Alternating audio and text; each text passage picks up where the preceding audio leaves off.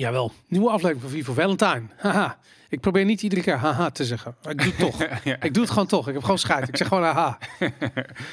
Ja. Waar gaan we het vandaag allemaal over hebben, Robert? Veel. Inflatie toch? Laten we beginnen met inflatie. beginnen met inflatie Oh, inderdaad. inflatie Eh, 12 procent in Nederland. Niet eerder vertoond. torenhoog. Torenhoog is het inderdaad. Ja, het is, eh, en, en dat gemeten volgens de toch denk ik eh, eh, beperkte maatstaaf van het, eh, van het CBS. ja denk dat- heel beperkt. Ik denk dat de echte inflatie nog wel hoger ligt. Maar het is dus al uitzonderlijk dat de officiële cijfers al zeggen dat het eh 12 of 11,9 procent is. het hoogste niveau sinds 1975. eh. Ja, daar wou ik wel bij zeggen. In 1975 waren de rentes veel hoger. En ehm, er werd anders gemeten. Dus als je nu zou... Echt, echter gemeten. Er werd echter gemeten, ja. Mhm. Als je nu zou meten, volgens de manier waarop ze meten in 1975, zou onze eh, inflatie veel hoger zijn. Dus dat, ehm, dat is ook nog eens een keertje een ding. Want ze hebben huizen eruit gehaald, hè, geloof ik. Een van die dingen die ze eruit Nou, er is veel meer, maar ik, ik heb een keertje gekeken naar hoe de CPI eh, gemeten wordt, de consumentenprijsindex. En ze hebben dan eh, volgens mij kleine 1500 producten die allemaal voor een bepaald percentage meewegen.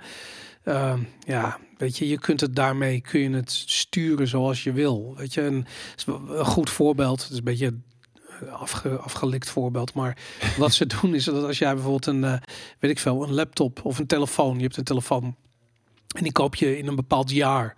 En dan zeggen ze van nou, het jaar daarop is er een nieuwe telefoon en die is twee keer zo snel. Hij is ook eh, eh, twee keer zo duur. Maar omdat hij ook twee keer zo snel is, of de camera is twee keer zo whatever, eh, ze hebben zoiets van ja, dan, dat verklaart waarom die twee keer zo duur is. Mhm, Dus is er geen sprake van een duurder product. Dus is er geen sprake van inflatie. mhm. Wat natuurlijk onzin is. Want ehm, ja, technologie laat zich niet op die manier meten. En misschien krijg je wel twee keer zoveel telefoon voor hetzelfde geld. Maar die telefoon van vorig jaar die is niet meer te koop. Dus als je een nieuwe telefoon nodig hebt, ja, dan koop je het model van nu. Ehm, en ja, je gaat niet een tweedehands telefoon via Marktplaats meenemen in de CPI-cijfers. Dus Mhm. ja, gewoon weird. En zo wordt dat eigenlijk, zo worden die cijfers eigenlijk gewoon een beetje beïnvloed. Mm. Ja, en ik, ik vond het interessant, want eh, eh, Rutte had al gezegd eh, dat hij door de oogharen heen zag dat ze niks konden doen om dat te gaan verbeteren, verminderen. Maar hij heeft gelijk, hij kan ook niks doen. Nou ja, eh, nou ja ik, denk, ik denk dat hij heel veel kan doen. Even los, eh, niet zozeer eh, aan inflatie, tenzij hij tegen het ECB gaat zeggen: stop met die printen van Disney-dollars elke dag door. Ja, en dan lachen ze heel hard. Ja, hangen ze ja. op. ah, grappig, Rutte. Ja. Ja, wie? Rutte, Rutte wie? Ja. Ja. zo, tik, tuut, tuut, prankcaller. Dus, dus daar kan je inderdaad niks aan doen. Maar ehm, eh, tenminste, ik, ik ik zou toch wel een telefoontje plegen als ik hem was richting de ECB elke dag van kunnen we niet wat, wat minder. Nou, dat, dat moet Klaas Knot doen. Hmm. En eh, de, de, de, de, de directeur van de Nederlandse Bank. Eh, en eh, Arno heeft volgens, een keer, volgens mij een keertje uitgelegd dat ze dan van die, van die ECB vergaderingen hebben. Waar dan Oh ja. rolerend bepaalde mensen niet bij mogen zijn. ja, dan moet Klaas En- op de gang En zitten. Klaas moet op de gang zitten, Ja. inderdaad. Ja, die shit. Ja, dat, dat gebeurt. Dus wat dat betreft, Nederland heeft zijn soevereiniteit weggegeven aan Europa. En dit is hoe dat eruit ziet.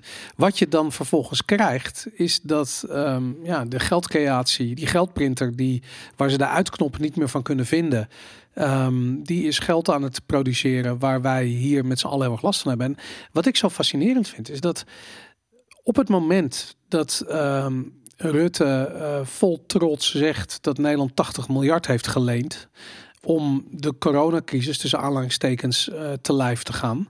Dat mensen niet allemaal soort van woest worden, omdat ze weten dat dit, er, dat dit eraan zit te komen. Dat je Mhm. dus in- te maken krijgt met monetaire inflatie. Dat Mhm. geld wordt niet geleend ergens, dat wordt gecreëerd en vervolgens geleend aan Nederland tegen negatieve rente, zodat Nederland nog geld op verdient ook. Maar goed, dat. ehm, Maar dat is dus precies, ik bedoel, mensen die de, de podcast luisteren of kijken, die, die kennen dit verhaal, denk ik wel, dat, we, dat, dat het komt door het bijdrukken van geld. Maar je ziet in de berichtgeving, in, in de mainstream media, dat het dus nu wordt gegooid op bijvoorbeeld de energieprijzen. Omdat, Poetin, ja, ja. En Poetin inderdaad. Ja. Het was natuurlijk eerder al gezegd van Poetin. is- En daarvoor was het corona en weet ik veel. Ja, en dat, en, maar je ziet, en, en volgens mij slikt een groot deel van de bevolking het ook als zoete koek, dat dat de oorzaak is van, eh, eh, Ja. van inflatie. En ik denk, nou goed, wij herhalen het hier niet voor niks, eh, bijna elke podcast, dat het heel erg anders ligt. En ik vind het, ja, ik, ben bang dat mensen dat misschien als de pijn te groot gaat worden van inflatie pas gaan, gaan merken. Maar wat ik ook interessant vind ik, inderdaad, aan inflatie kan Rutte niks doen, maar er zijn natuurlijk wel heel veel maatregelen die hij wel kan nemen. En hij doet alsof Ja, soort van zijn handen ge- gebonden zijn eh, om niks te kunnen doen. Terwijl, ik weet het niet, maar je heft 5% belasting op inkomen. Weet je, als je wil dat mensen hun koopkracht behouden, dan kan je dat direct op die manier Ja. tegengaan. En je ziet dat daar, dat, daar, dat daar een gevoelig punt ligt, want ze hebben door de stijgende energieprijzen gezegd van oké, we gaan de accijns gaan we nu iets extra verlagen. Ze hebben eind vorig jaar besloten dat de energiebelasting iets naar beneden ging. Mhm. Nu wordt de accijns nog iets verlaagd. En er komt een energietoeslag.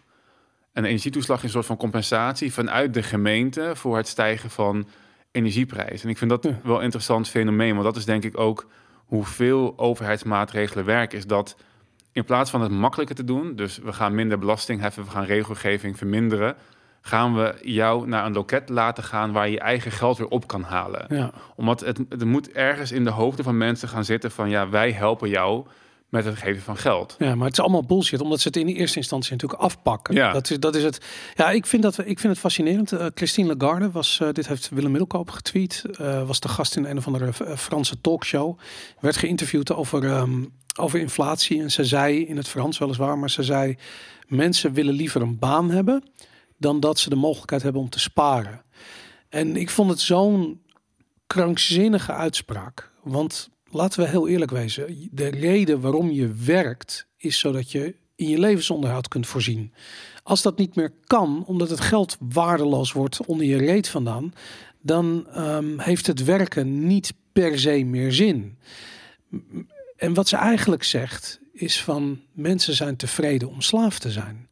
En dat, Hmm. dat ehm, ik, ik, ik, ik, ik zit, misschien moeten we daar, daar heel even kort over. We zijn bezig om ehm, eh, de V for Valentine premium content eh, om erover na te denken. En ik zit de hele tijd naar boeken en artikelen die ik lees. Ik denk shit, hier wil ik met Robert een gesprek over hebben. Weet je, Mm. En dat, een van die artikelen is, eh, is eh, een, een, een, een verhaal dat heet Masters and Slaves of Money. En die leggen uit eigenlijk wat de relatie is tussen geldcreatie en slavernij. Echt vanuit Hmm. eh, vanuit het Midden-Oosten en Afrika ehm, helemaal tot aan de huidige tijd. Dat is fascinerend. En zeker als je slavernij definieert als gestolen tijd. Eh, tijd waarbij je werkt, waar niet voor wordt betaald. Even los van het menselijk leed, wat er, wat er verder nog bij komt kijken. Maar als je het op die manier definieert, dan is belasting ook een vorm van slavernij. Weet je, 50% belasting is 50% gestolen tijd. Ben je 50% ben je een slaaf. Mhm. En dat, eh, dat idee is zo eh mind-blowing. En die overheid die gaat je niet je vrijheid teruggeven. Ze gaan niet zeggen van oké, jullie zijn allemaal geen slaaf meer. Weet je, nee, dat gaat niet gebeuren. Dat gaan ze niet doen. Daar is de overheid voor om Mhm. jou daar te houden op die plek. En dat, ehm, dat zie je daaraan, weet je, van nee, belasting en accijns en weet ik veel wat. Dat gaat allemaal gewoon door. Inkomstenbelasting, heel belangrijk, dat blijft gewoon. En oké, hier is een extra zak met wortelen, eh, omdat Ja. je zo hard loopt te schreeuwen. ja, ja dat is, wat is de, de slogan van de LP lang geweest, waar ik me eerlijk gezegd een beetje tegen verzet heb, heb omdat mensen daar gewoon niet bij kunnen. Maar belasting is diefstal. Ja. In het verlengde ligt natuurlijk van belasting is slavernij. Ja, behalve dat, weet je waarom? Om, sorry dat ik je in de reden valt. Weet je waarom die, die slogan niet klopt? Hmm. Omdat die niet afgemaakt wordt. Belasting is diefstal van tijd. Hmm.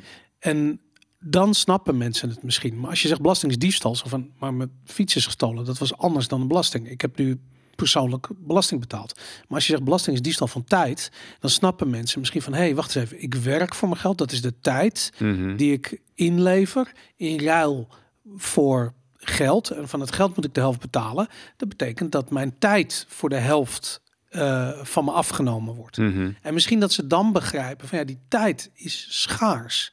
Tijd is on- ons het meest schaarse wat we Mhm. hebben. En vervolgens ruilen we dat in voor iets wat de bank oneindig bij kan creëren. Namelijk waardeloos geld. Mhm. Maar hoe waardeloos het is, nou, dat, dat, dat verschilt per- in de perceptie van mensen. Dus met andere woorden, je bent iets wat extreem schaars is aan het inruilen voor iets wat ex in overvloed aanwezig is. Mhm. Dat is een rare deal. Weet je?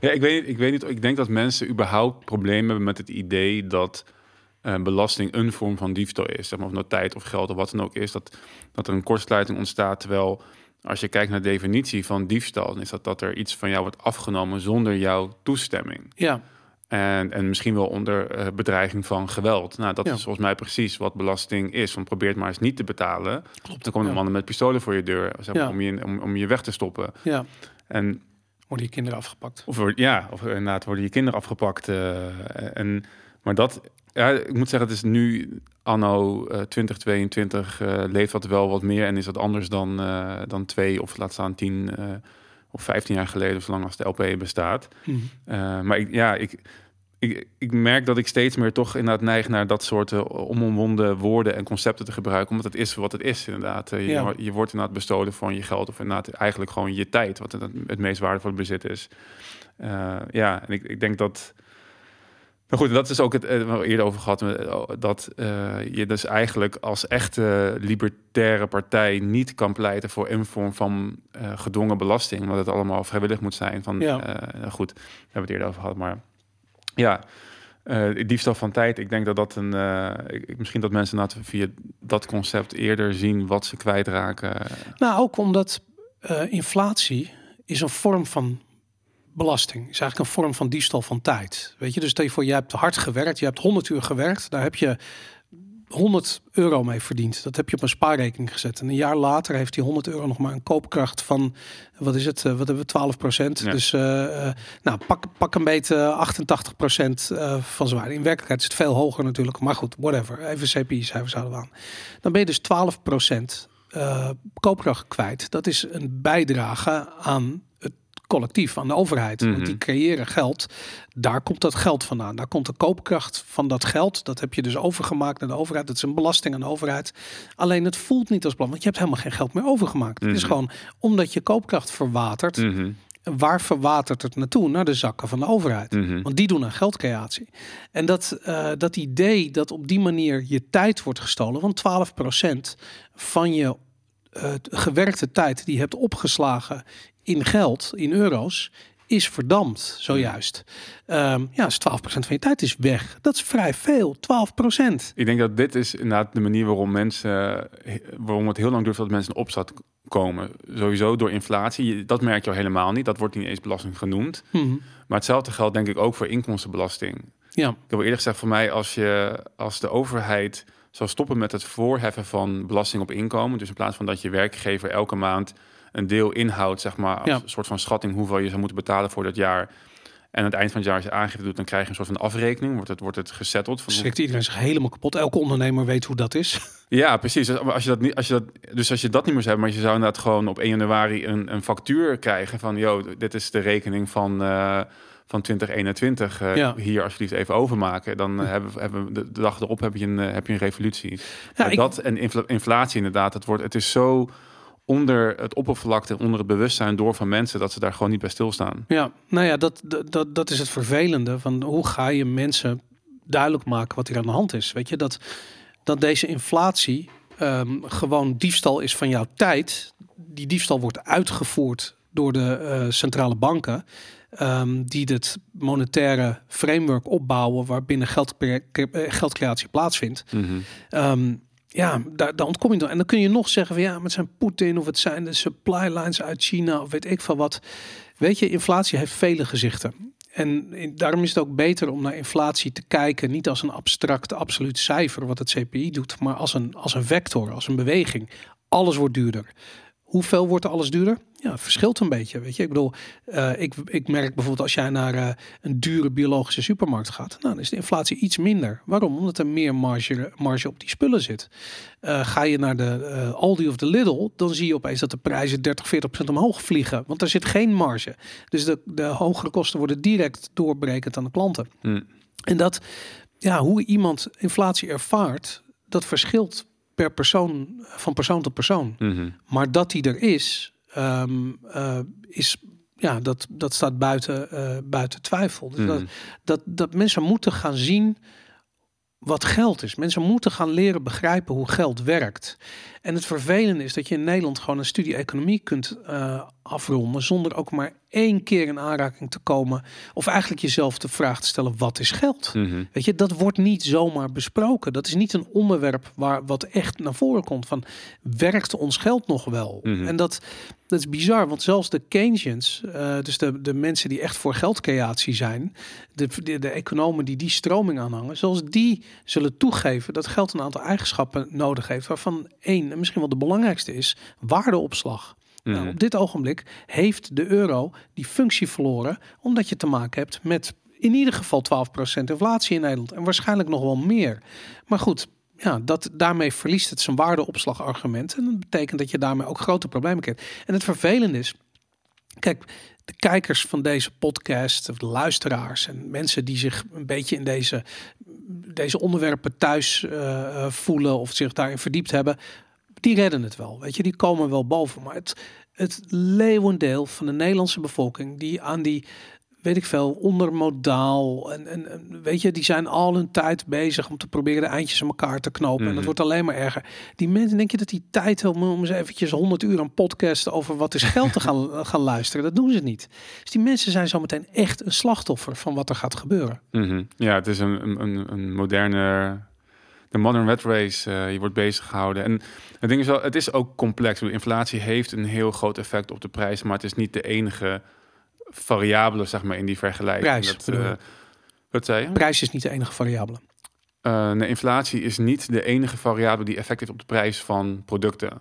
Nee, tuurlijk. Vraag en aanbod. Vraag en aanbod sowieso, maar ook in dus inderdaad het, het inmengen van, van overheid eh, op bepaalde vlakken. Op, dus is wel daadwerkelijk natuurlijk ook een probleem met eh, supply lines eh, hier en daar. Ehm, de oorlog in Oekraïne heeft natuurlijk ook daadwerkelijk wel effect op, op nou, tenminste om met dat, dat gasleveringen worden stopgezet. Maar dit, dit- die, dat is het hele ding. Die gas, de ben- benzineprijs is verdubbeld. Mhm. Maar de gasleveringen zijn nog niet Nee, dat stopgezet. wilde ik inderdaad net zeggen. Inderdaad. Nou ja, is het niet vorige week vrijdag? Heeft hij niet, eh, is, is Gazprom volgens mij nog begonnen? altijd is het gewoon. En hetzelfde verhaal met die, dat is ook zo interessant. Weet je, Poetin heeft gezegd: ik wil in roebels betaald worden. Ja. En eh, de EU heeft gezegd: van ja, dat kunnen we helaas niet, dat gaan we niet doen. Het is gelul. Natuurlijk gaan ze het doen. Ja. Alleen hoe ze het nu hebben opgetuigd, is dat ze in euro's afrekenen aan Gazprom. Die hebben een eigen bank. Mhm. eh, en die wisselen die euro's direct om voor roebels. Mhm. Eh, maar wat ga je daarin zien? Dat, die, dat gas wordt heel duur. Want die roebel die wordt sterker en sterker en sterker. Mhm. En die euro wordt zwakker en zwakker en zwakker. En ja, dat betekent dat er steeds meer euro's betaald moeten worden voor dat vat olie.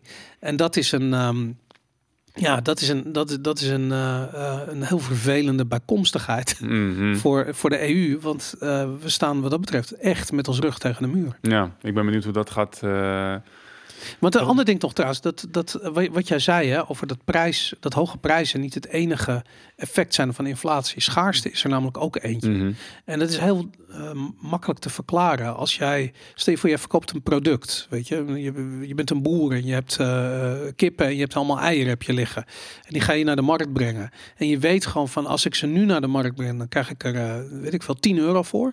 Maar als ik ze volgende week naar de markt breng, krijg ik er 12 euro voor. Mhm. Dan heb jij dus een financiële incentive om die ehm, eieren volgende week te brengen. Beetje afhankelijk van of je wel of niet op dat ogenblik geld nodig hebt om misschien iets anders te kopen. Mhm. Maar het geeft je in ieder geval de incentive om volgende week naar de markt te gaan. Dat betekent dat producenten gaan producten langer bij zich houden, omdat in de toekomst de prijs die ze ervoor kunnen krijgen hoger is. Mhm.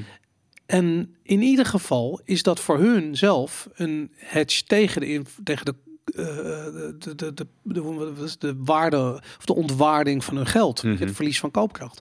En dat is een, ehm, dat is een effect. En daar heeft eh, Jeff Booth eh, heeft daarover geschreven. En die zegt: ehm, je hebt eh, als je eh, schaarste hebt in geld, heb je overvloed in al het andere. En als je overvloed hebt in geld, dan heb je schaarste in al het andere. Mhm. En dat is eigenlijk dit principe wat hij omschrijft. Van op het moment dat je aan geldcreatie doet, en je hebt eigenlijk geld in overvloed, dan, gaan, dan ga je zware inflatie krijgen. En die inflatie leidt tot schaarste. Want het, het hele ehm, mechanisme van vraag en aanbod en prijsontdekking wordt kapot gemaakt door inflatie en door de subsidies en weet ik veel wat de overheid allemaal pas loslaat. Dus de overheid is dat aan het stuk maken. En dat, ehm, dat, is, dat, is, dat is erg. Ja, doe me denken aan iets wat ik las, eh, volgens mij bij Zero Hedge over Het ging een beetje over dat er nu verschillende grote banken bezig zijn met het inkopen van, eh, van goud. Ja. Zeg maar dus eh, aan het hedgen zijn tegen inflatie. En dat was een zinsnede ergens in een artikel, zei iemand van... outside money always trumps inside money. Dus geld in het systeem, in het monetaire systeem... is altijd slechter dan geld wat je erbuiten hebt. En dat, Ja. dat kunnen dan producten zijn, maar... eh meestal wel is dat zilver, goud of, eh, of bitcoin of andere zeg maar veel gebruikte uh, Ja, je, je hebt ook zo'n gezegde van, van eh, bad money drives out good money. Dus Hmm. het, het, het, het slechte geld, het minst harde geld, Mhm. dat wordt uitgegeven. En het harde geld, dat bewaar je. Dat Hmm. ga, dat ga, daar ga je in sparen. Hmm. Dus dat is ook waarom goud eigenlijk een heel slecht betaalmiddel is. En misschien bitcoin ook wel. Omdat op dit ogenblik is het gewoon een, een, een waardeopslag, een inflatie-hedge. Mhm. Eh, dat ga je niet uitgeven. Tenzij je echt heel erg honger hebt. Maar tot die tijd eh, niet. Dat was interessant, want het was volgens mij was, las ik dat eh, de bank, eh, de, de bank van Duitsland, was dat volgens mij de, die wilde dus goud terug hebben van de Bank of England. Oh, En dat kregen ze niet. nee, joh. dat is interessant. En ik En- weet ook waarom ze dat niet krijgen. Ja, want ze hebben het niet. Ze hebben het niet. Nee. Het is al, al drie, vier keer over de kop gegaan. Ja, Dus die, die papieren goudmarkten, die, eh, eh, ja, iedereen heeft een claim op dat goud. Dus als vijf, zes partijen een claim hebben op het goud, wat daar zogenaamd Mhm. eh, in, die, in die exchange ligt of in die bank ligt, ja, aan wie ga je dat goud dan geven? Dat kan helemaal niet. Mhm. ja, want ze hebben volgens mij uiteindelijk wel een deel van wat ze gevraagd hebben gekregen, maar daar bleek dus uit dat het ook ander, want dat goud is gewoon ge, ge hoe heet dat? Omgesmolten. Nee, dat, dat, daar zitten kenmerken op. Oh, ja, die, ja, goud, ja. die goudstaven. Dus je, ze, hebben, en, ze kregen dus andere goudstaven terug dan zij daadwerkelijk in lening of in onderpand hadden gegeven bij de Bank of England. Dus daar, zijn allemaal rare shady wisseltrucken aan, aan de hand. En Ja, dat is, dat is het probleem met goud. Dat het is nog steeds, wordt het opgeslagen in die gigantische Fort Knox-achtige, eh, op die plekken. Mhm. En ja, wat er werkelijk is, dat weet niemand. Hmm. Ik weet dat Nederland heeft zijn goudvoorraad verhuisd van eh, de Nederlandse bank in Amsterdam naar Haarlem ergens. En toen, hè, daar was ook echt de AT5 deed daar verslag van. En dan zag je die, die gepantserde auto's zag je helemaal die kant op rijden. En volgens mij hebben we 600 kilo of weet, ik veel zoiets. Niet eens heel veel. Hmm. Of 600 ton. Ik weet het niet. Maar goed, anyways. De... Nee, toch. Nou, ik weet het niet. Maar dat, ehm, dat ging dan ergens anders naartoe. En dan, dan, dat, dat zijn heel wat. Bijvoorbeeld de Amerikanen. Die laten geen audit toe van wat er in Fort Knox ligt. Mm. Misschien ligt er wel niks. Weet je? Mm. Dat, eh, Hmm. Geen idee. Hmm. Interessant. Klimaatdossier?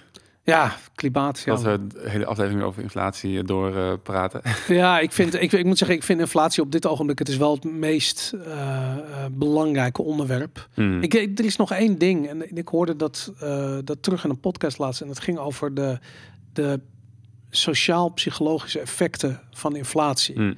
En dat mensen ervaren stress. En ze weten niet precies waardoor dat komt, omdat ze niet om zich heen kijken en het niet kunnen analyseren. Maar het feit dat je spaargeld verdwijnt en dat alles duurder wordt.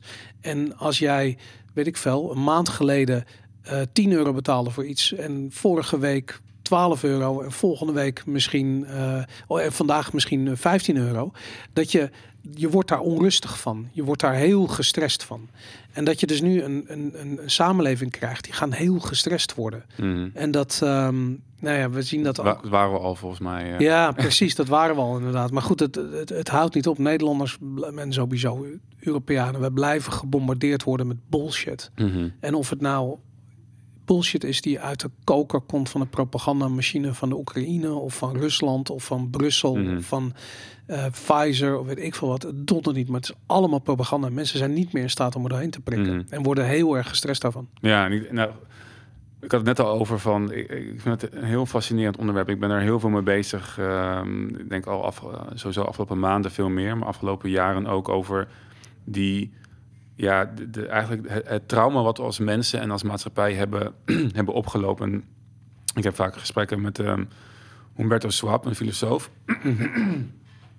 en die, eh, die zei onlangs van, ja, de scheuren in onszelf lopen gelijk met de scheuren in de samenleving. Ja, En ik vond dat een hele sterke uitspraak. En ik denk dat we zo ver van onszelf zijn afgedreven dat we inderdaad vatbaar zijn voor alle soorten propaganda. En dat alles heel eh, eng vinden. Ik vertelde net dat ik The Hacking of the American Mind heb uitgelezen eh gisteren. En daar heel erg van onder de indruk ben. Omdat je daar dat je daarin ziet dat ehm, ehm, mensen zijn van de pursuit of happiness naar de pursuit of pleasure gegaan. En het ene is uh, een serotonine-systeem wat we gebruiken. En het andere is een dopamine-systeem wat we gebruiken. Ja. En het interessante is wat het boek schetst. Uh, en, de schrijver Robert Lustig is, is eigenlijk een voedingsdeskundige. En heeft het boek Fat Chance geschreven. En heeft uitgelegd wat suiker met ons hij is een arts lichaam doet. Hij is arts, ja. Uh, maar hij, is dus, hij heeft dus in dat onderzoek daar gezien wat suiker doet met ons dopamine-systeem. En hij is, daar, hij is er verder ingedoken. En hij heeft gezien dat we dus tegenwoordig allerlei dingen doen als inderdaad ongezond, hoog koolhydraat, suiker eten, uh, onze schermverslaving, uh, de social media verslaving, um, ook verslaafd eigenlijk zijn aan stress vaak. en dat dat geluk in de weg zit, omdat het dopamine-systeem dezelfde transporten gebruikt in ons lichaam als serotonine. Dus als jij continu bezig bent met pleasure seeking en dopamine hoog in je, in je, in je systeem zit, heeft serotonine geen kans om een receptor te vinden en dus zo zeg maar, dat geluksgevoel, die contentment ja. te ervaren. Dus hij zegt, Amerikanen zijn, wat natuurlijk in de, in de Bill of Rights staat van uh, uh, life, liberty and the pursuit of happiness, is dat pleasure geworden. En daarom zijn we zo ongelukkig. En daarom is de helft van de mensen angstig, hebben angst, angststoornissen. En ik denk dat het echt gelijke tred met elkaar heeft. Dus zowel 5% van de mensen heeft een vorm van overgewicht, is ongezond. Maar ook bijna 5% van de mensen in Nederland heeft een vorm van een, een, een, een aandoening, een mentale aandoening, een angststoornis of, of, of, wat dan ook. En ik denk, hij schetst ook dat komt, uh, uh, dat komt door het feit dat we dus inderdaad onder andere niet meer zelf koken, gezond koken, met elkaar koken. En uh, ik vond het fascinerend om te zien dat wat veel mensen zijn, denk ik, heel erg pleasure seeking. Ja. Omdat ze denken dat dat dan hun gelukkig maakt. Maar het is makkelijk, het is, het is makkelijk ook. Ja. Het is een quick fix. Ja. Maar het is letterlijk het tegenovergestelde. Je wordt er gewoon, je kan er niet meer gelukkig door worden als je, als je veel pleasure, plezier opzoekt. Ik vond het fascinerend. En hij, hij stelt ook dat, dat je er verslaafd aan kan raken, zeg maar, aan die, aan die angst. En ik had net de, de, de Aan de angst verslaafd of aan de dopamine.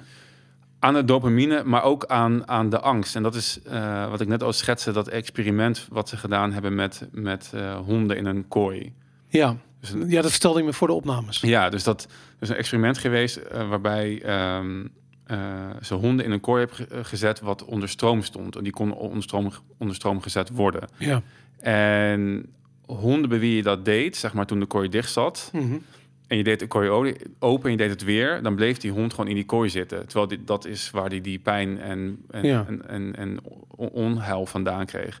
Honden die je zeg maar pas een schok gaf op het moment dat de kooi al open was, die renden kaart uit de kooi. Ja.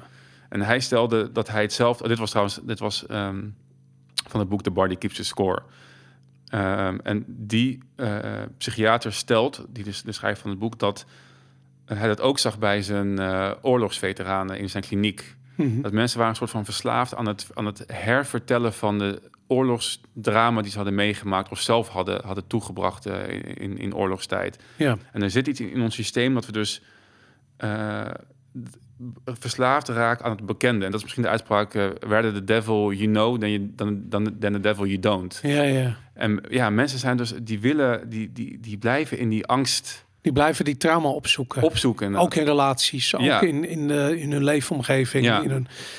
maar, maar als je dat, want ik vind dat fascinerend. En ik heb zoiets van, oké, we zijn nu ehm, als Nederland collectief twee jaar lang zijn we die honden geweest waarvan ze de bodem van de kooi onder stroom hebben gezet. Mhm. We twee jaar lang hebben we dat meegemaakt. Mhm. Weet je, mondkapjes, eh, eh, god, QR-terreur.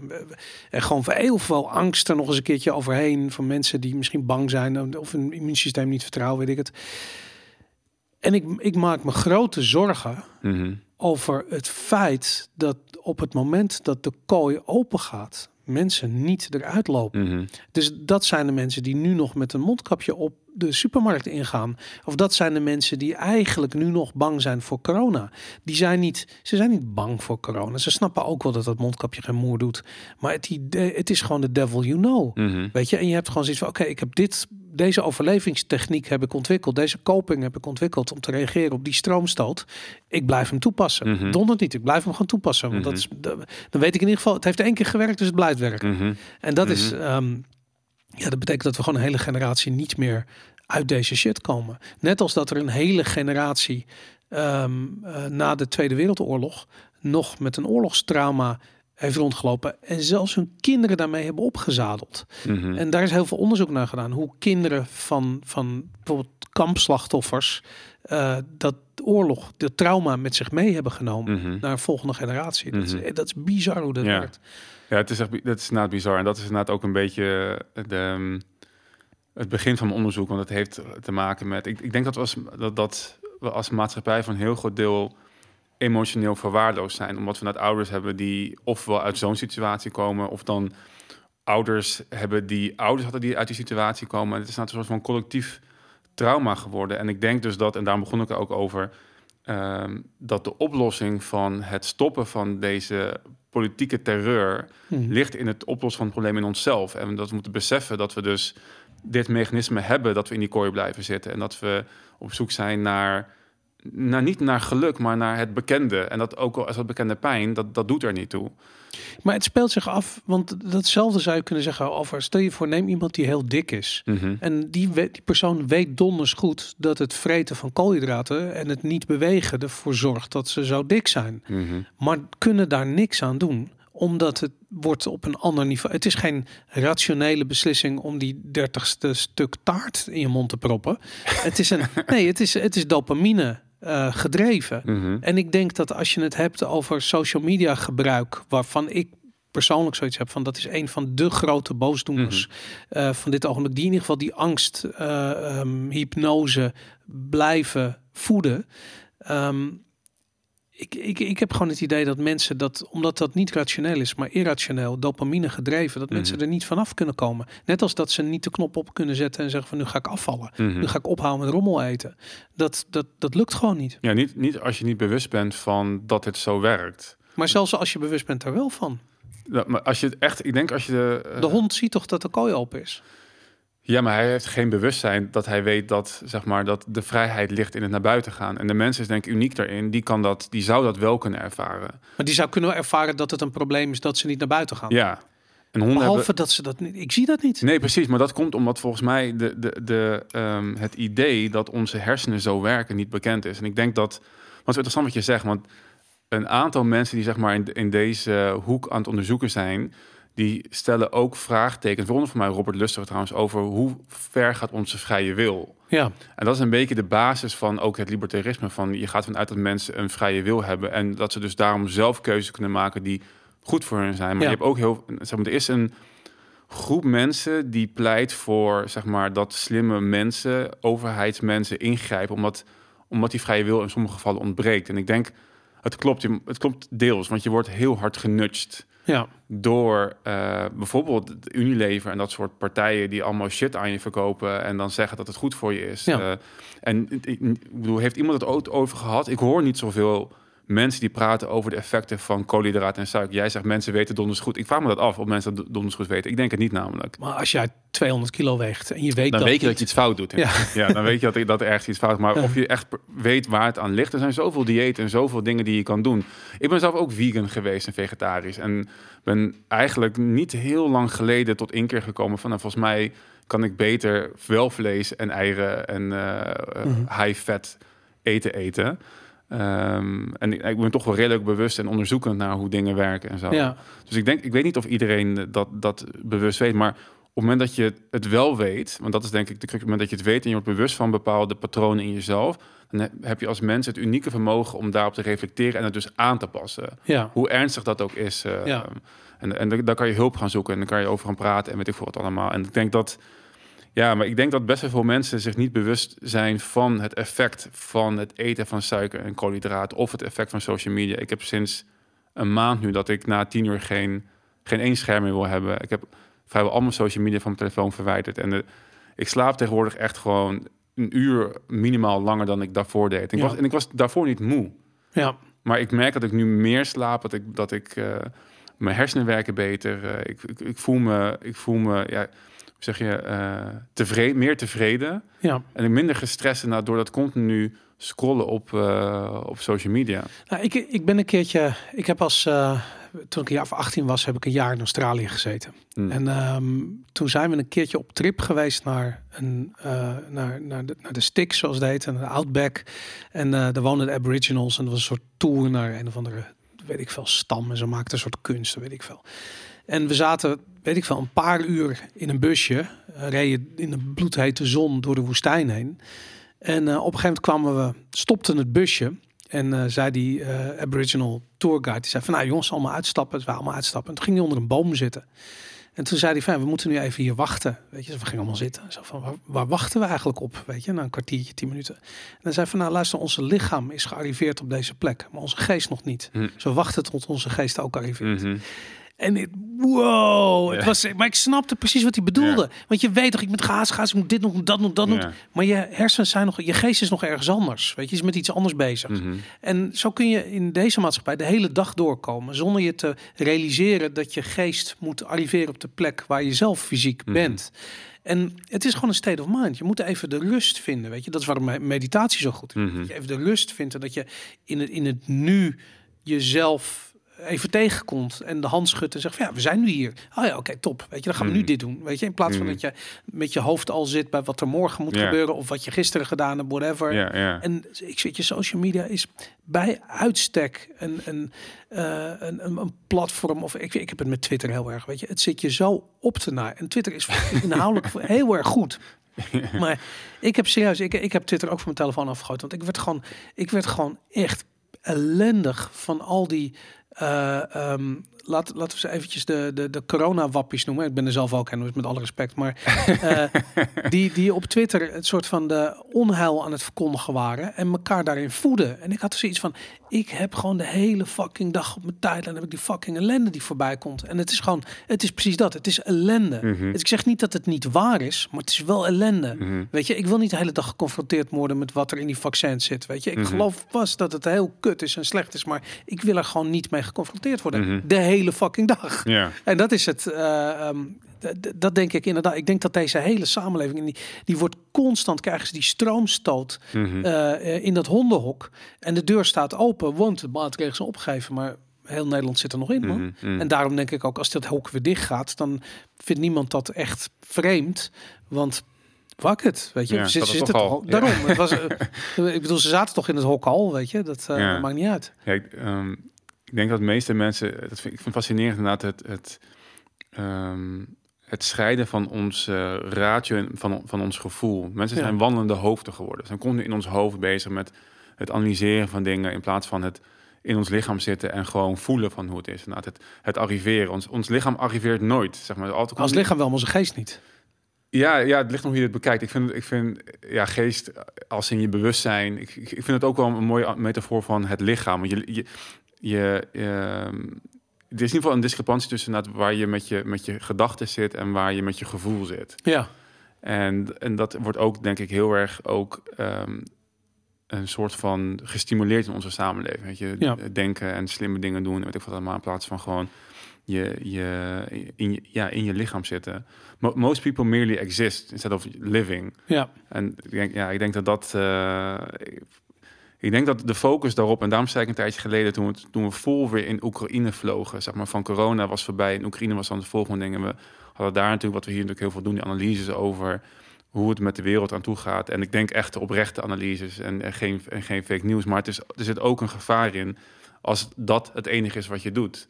Want daarnaast moet je beseffen dat je jij hebt de verantwoordelijkheid om je leven te leiden en die zo goed mogelijk te, mogelijk te leiden. En ik moest na vorige week, uh, had het ook over gehad, denken aan Jordan Peterson, die helemaal fan is van Solzhenitsyn mm en de Gulag Archipelago. En die, die uh, op een gegeven moment ten tijde van Stalin en Hitler in een kamp terechtkomt. En in plaats van Hitler en Stalin de schuld geven, mm -hmm. gaat hij nadenken: wat is mijn aandeel hierin geweest dat ik hier terecht ben gekomen? Wat had ik kunnen doen hierin? Ja, ja. En Jordan Peterson zegt van ja als je in een tijd leeft en iemand anders de schuld kan geven van jouw lijden, dan is het wel wanneer Stalin en Hitler, uh, Hitler leefden. Ik bedoel, die hebben daadwerkelijk echt gigantisch veel foute shit gedaan. Ja. Maar hij koos ervoor om te reflecteren, met zichzelf te raad te gaan en heeft toen de Gulag Archipelago geschreven. En Jordan Peterson zegt van ja, mijn inziens heeft dat boek bijgedragen aan het uiteenvallen van, het, uh, van de Sovjet-Unie. Ja. En dus het, het, bereiken van meer vrijheid. En dit is wat jij vaker zegt van hoe belangrijk is die het nemen van die persoonlijke verantwoordelijkheid hierin. En, en het staan voor waar je voor staat. En, ja. en wat ook de omstandigheden zijn en wat Rutte ook doet en hoeveel de ECB ook bijprint. Je kan altijd zelf iets doen om je leven beter te maken. En ik denk dat dit ja, ik, dat is denk ik 50% van de aandacht die, die we moeten hebben. Wat gebeurt er echt? Ja. Maar wat kunnen wij doen om onszelf en onze omgeving daar gelukkig in te houden? Maar ik denk, ik, ik, ik, ik denk daar heel veel over na. En ik, ik vind dat een heel mooi voorbeeld. En inderdaad, ik heb de Gulag Archipelago ook oh, eh, ge- gelezen. En ik vond het, eh, ik bedoel, het is fucking verschrikkelijk als Hmm. je het leest. Omdat het iets is wat zich nu aan het herhalen is. Mm. En dat is, ik vind wat dat betreft, wat nieuw is alleen, is de manier waarop je nu met informatie gebombardeerd werd. En zelfs als het, ook al was het waarschijnlijk in die tijd dezelfde grote onzin die het nu is, maar de mainstream media was toen heel beperkt. Weet je, je had misschien een, een radiozender en drie kranten en dat was het wel. Weet je, en ik bedoel, je weet dat het onzin is wat erin staat, maar daarin vind je elkaar. Maar nu, tegenwoordig, word je echt gebombardeerd met informatie. En daar, daar is geen ontsnappen meer aan. Want als je eenmaal in, de, eh, in een bepaald onderwerp zit, dan is elke keer dat je je podcast eh, lijst refresht, is er iets nieuws. Iedere keer dat je je Twitter feed refresht, is er iets nieuws. En het, het blijft de hele tijd hetzelfde. Het zijn de hele tijd die, die, eh, ehm, die, die impulsen, die dopamine impulsen, die, op die op dat trauma inspelen. En ik denk ik denk dat er geen. Je kunt je daar bijna niet tegen verdedigen. Anders dan eruit stappen, Ja, je telefoon uit te zetten, Mhm. die shit allemaal te deleten, Ja. eh, weg te doen. Maar dan heb je het gevoel van, maar dan, maar dan zie ik het niet aankomen. Mhm. Weet je, dan zie ik niet het onheil op me afkomen en kan ik me er niet op voorbereiden. Mhm. En dat is, ik, ik heb nog geen antwoord op die vraag gevonden. Van hoe kun je die shit allemaal wegdoen, maar nog steeds op de hoogte blijven? En hoe kun je dat afmeten aan elkaar? Ja, ik weet niet of dat kan en of dat moet. Ik mo- moest aan twee dingen denken toen je, toen je dat zei. Ik weet niet wie dat zei, maar ik heb hem uit Denzel Washington's mond gehoord, maar dat is niet zijn uitspraak. If you read the newspapers, you're... uh, if you don't read the newspapers, you're uninformed. Mhm. If you read the newspapers, you're misinformed. Ja. Ik weet niet, dat heeft hij niet van... Dat is niet zijn uitspraak, maar dat heeft hij van een andere Uh-huh. filosoof. Daar moest ik aan denken. En ik moest denken aan een meme waarbij ehm, zo'n man voor de tv zit en allerlei shit op het nieuws en problemen en de wereld gaat kapot en eh Hm. oh, dat is goed op en dan zegt hij, zie je, doet het knopje uit, zo, probleem opgelost. Ja, ja, ja. Ik, ik denk daadwerkelijk wel op het moment dat je inderdaad minder wordt gebombardeerd door eh, het nieuws en al die shit, dat je als persoon al een stuk gelukkiger gaat, gaat voelen. Want het, het ding is dus, je kan niet beïnvloeden wat er in de toekomst gebeurt. Dat is het hele idee van ja. hier arriveren en hier blijven. Je moet het, al- het, het, het- ja, het gaat je voor een deel of eigenlijk altijd overkomen. ja. Maar wat ik, en dat vind ik ook in de, wat ik in de Telegram groep van Viva Valentine zie, dat de mensen lijken hun leven een soort van op pauze te hebben gezet totdat de corona voorbij is. Ja. En nu weer tot Oekraïne voorbij is. En dan zometeen weer totdat de inflatie voorbij is. Ja, hoe Ja. vaak ga je op pauze drukken? Weet je, als je 80 bent. ja. Nee, ik- maar je, het, is, het is je leven. Ja. Ja. En ik denk dat daar, ik, ik had het gisteren ook, was gisteren bij een LP-borrel zei van ja, ik heb volgens mij meer gedaan en meer gereisd eh, afgelopen twee jaar dan voor corona. Ja, maar dan moet ik zeggen, je hebt er een punt van gemaakt. Je, hebt dat, je bent dat gaan opzoeken.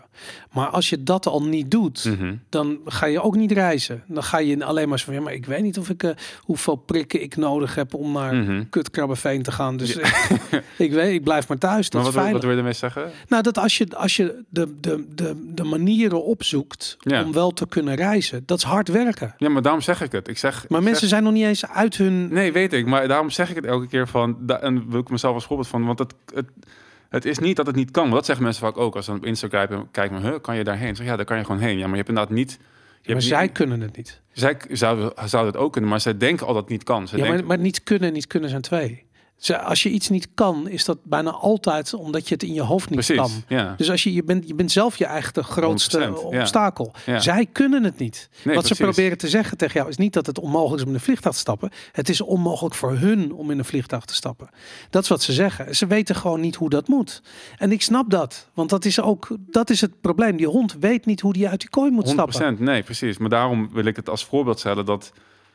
eh, ik weet niet wat er gebeurt als je eh, die twee honden naast elkaar zet. Degene die zeg maar, al gechoqueerd was in zijn kooi met, de, met, de, met het luik dicht. Mhm. En degene die, dat, die eh, wordt gechoqueerd voor de eerste keer als hij al open staat en wegrent. Wat zou die hond doen als hij dat ziet? Zeg maar, ik, da, daarom meld ik het. Ik, ik, ik wil het laten zien, en dat blijf ik elke keer een punt van maken, dat je inderdaad zelf een hele grote verantwoordelijkheid draagt. En dat hebben we het natuurlijk vaak over op andere gebieden als we praten over hoe we de rol van socia- eh, sociale zekerheid zien of zorg in de over, eh, zeg maar.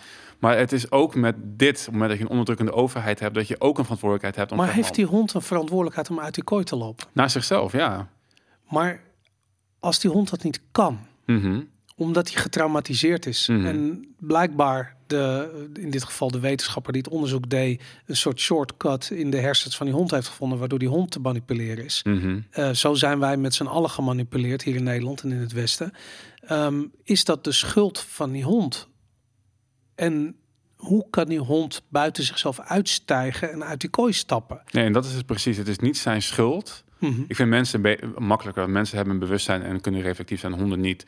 Maar een van de dingen die, als je leest bijvoorbeeld over jeugdtrauma's, is dat het is niet jouw schuld dat, je, dat jij eh, een jeugdtrauma hebt opgelopen. Maar vanaf je 18 is het wel jouw verantwoordelijkheid om er iets mee te doen, naar jezelf toe. Ja, En ik denk dat met die kooi, hoe, ik snap dat het heel ingewikkeld is. Ik snap niet dat dit, Ja. dit is geen, dit niet iets waar je, waar je een maand over doet of zo. Dit is iets waar, waar je jaren mee bezig bent, waar ik jaren mee bezig ben. voor corona al. Daarom, corona al, daarom ja, had jij een precies. voorsprong toen corona kwam. Ja, De meeste mensen die ik ken, die wakker zijn geworden in de coronatijd, zijn nu pas aan het nadenken over van wat is dit eigenlijk voor systeem waarin ik in een Mm. kooi werd gestopt en zijn Mhm. stromen aanzetten. Mhm. Jij hebt, dat, je hebt die voorsprong en misschien ik ook wel op een bepaalde manier. Mhm. Maar als je hier pas net mee in aanraking komt, nou, dan heb je nog een, een jaar of vijf te gaan in de libertarische rabbit hole. voordat je begrijpt waarom Ja, zeker, overheid eh, immoreel is. En waarom je zelf een verantwoordelijkheid hebt om daar voor jezelf iets aan te doen. Mhm. En waarom jij de enige bent die verantwoordelijk is voor jouw geluk. Ja, En ik denk dat dat. Ja, ik, dat, dat leeft niet. Want mensen willen inderdaad het afschuiven. En dat is waar. Maar daarom begon ik over, de, over, over Sorchin Itchin. Die, dat, die, dat, weet je, die deed dat ook niet. Die ging niet zeggen, ja maar hallo, Stalin, weet je. Ik bedoel, wat, en je noemt ook wel iemand. Weet Ja. je, dit is een van de grote intellectuele denkers uit Rusland. eh, Zeker, eh, ja. Weet je, ik bedoel, daar zijn er niet zoveel van. Nee, dat klopt. Maar dat, en, nou goed, ik denk dat mijn boodschap hier een beetje is. Misschien moeten we daar wat inspiratie uit op. Jullie moeten allemaal grote intellectuele denkers worden. Nee, niet. Maar, maar ik bedoel, begin, met- begin met gewoon jezelf gelukkig maken, zeg maar. Dat, dat, dat is, dat, is dat raar? Is dat raar? Is dat zo raar? Wees gewoon gelukkig, man. Ik bedoel, de, de, hel- wat is het? De helft van Nederland zit aan de, aan de antidepressiva. Maar ik, kijk, ik hoor je. Minder, minder was dat. heb ik- ja, het was ja. inderdaad was fake Maar de nieuws. held, de held was eh, inderdaad op een bepaalde manier... ehm, Depressief, er was iets. ja. Maar, maar je hebt gelijk, natuurlijk. soort van, weet je, ongelukkig zijn en leven in armoede is een keuze. Weet je, ik bedoel, dat soort, dat soort zelfhelp Nee, ook, kennis. ook, is- die, ook die, is, die twee zijn dus niet aan elkaar verbonden. Nee, begrijp ik. Maar het is het voorbeeld van hoe absurd het is om van een, een, een grote hoogte te oordelen. Want het is namelijk exact hetzelfde wat, wat eh, mensen bij de overheid doen. Mhm. Die hebben zoiets van, nou, we zullen die domme sukkels wel eens eventjes laten zien hoe ze eh, hun leven moeten inrichten en hoe ze puntje, puntje gezond en veilig moeten blijven. En weet ik veel. En het, aan het eind van de rit is het natuurlijk allemaal puinzooi, want het is allemaal non-informatie die er vanaf komt. Maar ik bedoel, die denken ook van, ja, waarom, doen die, waarom zijn die mensen niet gewoon gelukkig? We geven ze dit, dit prachtige land waarin we eh, Nee, ik, ik snap heel goed waarom mensen niet, niet gelukkig zijn. Uh-huh. Maar, wat, maar wat, wat wil je precies zeggen? Ik, voor Nou, dat ik... Ik, ik denk dat, dat ehm, als het... eh, laat ik zo zeggen, ik, ik, ik vind die vergelijking met die hond zo ontzettend goed. Precies omdat die hond niet kan reflecteren. Mhm. Maar ik denk eerlijk gezegd dat 90% van de mensheid kan ook niet reflecteren. Ze hebben wel de, de, de capaciteiten ertoe, maar ze doen het gewoon het niet. niet, Ze nee. gebruiken het niet. En ze hebben nooit geleerd hoe ze dat moeten doen. En ik denk dat je, je kunt zeggen van ja, je kunt eigen verantwoordelijkheid nemen voor iets. Maar om heel eerlijk te zijn, ik ben daar heel lang mee bezig geweest voordat ik begreep wat dat betekende. En eigenlijk pas toen ik vader werd en kinderen kreeg en ik verantwoordelijk werd voor die kinderen, Mm. realiseerde ik me wat het, dat ik niet, dat niet kan doen zonder verantwoordelijk eh, te zijn voor mezelf. En ik denk dat dat iets is. Ik denk dat mensen dat gewoon niet weten te vinden. Ze kunnen dat, die knop niet vinden, of dat hoofdstuk in dat boek kunnen ze niet vinden waarin uitgelegd staat hoe zij specifiek eh, verantwoordelijkheid kunnen nemen voor, hun, voor de omstandigheden waarin ze bestaan. Mhm. Nee, dat, dat denk ik ook. Maar wat is dan... Want dat, als ik dat hoor, denk ik van... Oké, zo weer fucked. Is dat dan de boodschap? Nou ja, ja, dat is het probleem. Maar dat is, het, dat, is, dat is zo mooi aan het voorbeeld met die hond. Je ziet gewoon nu mensen nog in die kooi zitten. Terwijl de kooi is nu Mhm. opengezet. Corona is weg. Mhm. In ieder geval, de kooi staat open. En ze lopen er niet uit. Ze blijven erin hangen. Maar wat moeten we daaraan doen dan? Nou ja, dat is het, uh, dat is het interessante. Dat er nu uh, de Lisa Westerveld, uh, volgens mij GroenLinks, dacht mm -hmm. ik. Misschien SP, ik weet het niet zeker. Ik ben niet zo thuis. Die, um, die heeft een heel ding gemaakt nu in de Tweede Kamer over bezuiniging in de ge geestelijke gezondheidszorg. Mm -hmm. En dat de psychiaters en psychologen kunnen het werk niet aan. Um, maar er wordt wel bezuinigd. Um, en ik kan me gewoon voorstellen dat mensen nu op het punt gekomen zijn dat ze um, misschien niet weten dat ze uit die kooi moeten lopen, of eigenlijk niet weten hoe ze uit die kooi moeten lopen. Mm -hmm. Maar dat ze in ieder geval zich realiseren dat ze in die kooi heel ongelukkig zijn. Mm -hmm. En misschien moet het daar dan maar gebeuren. En ik denk dat het, ja, zoals elk leerproces, het duurt lang. Het is hard werken. Mm -hmm. uh, je moet alles wat je denkt te weten uh, opnieuw onder de loep nemen, eraan twijfelen en opnieuw ontdekken. En dan kom je misschien ergens op een zinvollere plek uit. Mm -hmm. Maar ja, weet je, ik kan me gewoon voorstellen als mensen zeggen, ja, maar ik kan niet reizen, want corona. Dat ze, dat ze eigenlijk bedoelen van, ik weet niet hoe ik die kooi uit moet, Robert. Nee, maar ik ben, ik ben het er helemaal mee eens. Alleen, ja, wat ik probeer te doen is mensen bewust maken van dat het zo werkt. Dus ja. überhaupt, zeg maar, dit, dat, dat wat ik zei, dat dat je dopamine dus letterlijk een competitie heeft met je serotonine, dat dat je geluk in de weg staat, dat het uh, verzorgt dat je uh, uh, liever de devil you know than the devil you don't. Ja. maar als je daar, als je dat nu voor het eerst hoort op deze podcast, dan kan me indenken dat je daarover na gaat denken en dat ja. je daar dus dat je dan denkt van hé, hey, ik zit ook in die kooi en dat is inderdaad een proces van jaren en dat gaat nog jaren duren en dat is ook prima. Dat hoeft niet, dat gaat gewoon zoals het gaat. Ja. Maar wat ik doe, ook met mijn eigen verhaal te vertellen, is dat ik wil laten zien van, hey, weet ik zat ook in die kooi, maar ik ben, ik ben eruit aan het lopen, weet je. Ja. Ook niet elke keer, ook niet altijd, maar ik heb wel gezien dat het kan. Ja. En dat ik daar gelukkig van word. En ik denk dat als we dat meer met elkaar delen, dan dat er dat um, mensen eerder dat deel wel gaan gebruiken, waardoor ze eruit kunnen komen. En dat is inderdaad niet. Ik wilde niet laten voorkomen dat het een heel makkelijk en, en, en doe gewoon, wees gewoon gelukkig. Dat zo werkt het niet. Alleen Um, het, ik denk dat er niks anders op zit dan dat je het wel zelf moet doen. Nou, ik, in die zin wil ik ook alleen maar, ben ik ook alleen maar advocaat van de duivel. Maar ik ben het helemaal met je eens namelijk. En ik denk dat als mensen een aanknopingspunt vinden om die reis te beginnen, dat ze hmm. in sommige gevallen uh, ook dat met beide handen zullen aangrijpen en beginnen met leren. En of dat nou gezondheid is, geestelijke gezondheid, uh, weet ik veel, financiële gezondheid, ja, whatever, precies. wat het ja. ook is, wat je triggert, dat is, dat is genoeg om die, uh, om, ja, om dat, om dat konijnenhol in te duiken. Maar ja, ze moeten dat doen. Ik hoop dat, dat dit soort gesprekken en Vivo Valentine daar een van die, van die handvaten is. En ik, ik vind het ook leuk, omdat we toen we dit begonnen, uh, was het een, uh, hadden we echt zoiets van, we moeten een, een libertarische podcast gaan beginnen. Mm -hmm. En toen uh, werd het corona, werd eigenlijk heel dominant in mm -hmm. het hele verhaal. En nu corona, of tenminste nu de kooi open staat, uh, kunnen we weer uitzoomen en kun je, kun je eigenlijk naar, kunnen we weer teruggaan naar, dat, naar die, naar die, uh, naar die libertair, libertarische kernwaarden van zelfverantwoordelijkheid ja. nemen. Mm -hmm. En dat, uh, ja, nee, dat is heel interessant. Ik, ik zie ook echt mogelijkheden voor ja, mensen die goed zijn. Weet je wat Matthias de Smet heeft gedaan met Nederland eigenlijk. Mensen die zijn podcast hebben geluisterd, zijn boek hebben gelezen, massapsychose en massavorming, die, die die concepten hebben bestudeerd. Misschien hebben we een, nu een Matthias de Smet nodig die ons uitlegt hoe we uit die kooi stappen. Mm -hmm. Weet je, en misschien ben ik een beetje eruit gestapt of ben er wel eens uitgestapt. Misschien zit ik er nog in. Ik maak mezelf geen illusies. Ik weet het niet. Ik ben ook gevoelig voor alle angstpropaganda die, mm -hmm. die voorbij komt. Uh, maar aan de andere kant heb ik zoiets van ja, misschien kan ik het ook niet goed verwoorden. Misschien zijn er psychiaters of psychologen die dat heel goed kunnen verwoorden. En kunnen die uitleggen hoe we in godsnaam met z'n allen uit die kooi stappen. En misschien begrijp ik het proces dan ook beter. Mm -hmm. Ja, ik denk dat dat is wat. Um, ik denk echt dat dit 50% van de tijd is waar we, waar we mee bezig moeten zijn. Dat het ene, het echt kijken van hoe de wereld in elkaar steekt. Maar de andere kant is echt kijken hoe wij zelf in elkaar steken. En ja. Ik denk dat er ook best wel veel boeken over geschreven zijn. Ik zeg, The Hacking of the American Mind is echt een aanrader, wat mij betreft, voor iedereen om te lezen. En ja. ben dus nu begonnen in uh, The Body Keeps the Score. Maar ik heb Legio, ik heb het eerder gehad. Is die ook van Robert Lustig? Nee, die is van uh, Bessel van Kolk. Oké. Okay. Of ik, um, of Bessel van der Kolk. Um, Wacht, die ga ik even opzoeken voordat ik het uh, mensen iets verkeerd. Linkje in de show notes? Ja, ik doe mijn link in de show notes inderdaad. uh, en eerder gehad over de, de, de drama of the gifted child. Oh ja, ja vind zeker. ik ook echt een hele goeie van Alice Miller, die gewoon laat zien hoe we vanuit onze jeugd geprogrammeerd worden. En, en, ja, en, en hoe dat effect heeft op ons welzijn en hoe we reageren op alle propaganda die, die, eh, die staan. Is dat, dus dat is al, dat is echt al. Er zijn best wel veel onderzoek al naar gedaan. En, en echt mensen die hun eh, levenswerk in een boek hebben gevat. Ook, dat merk ik ook bij de Hacking of the American Mind.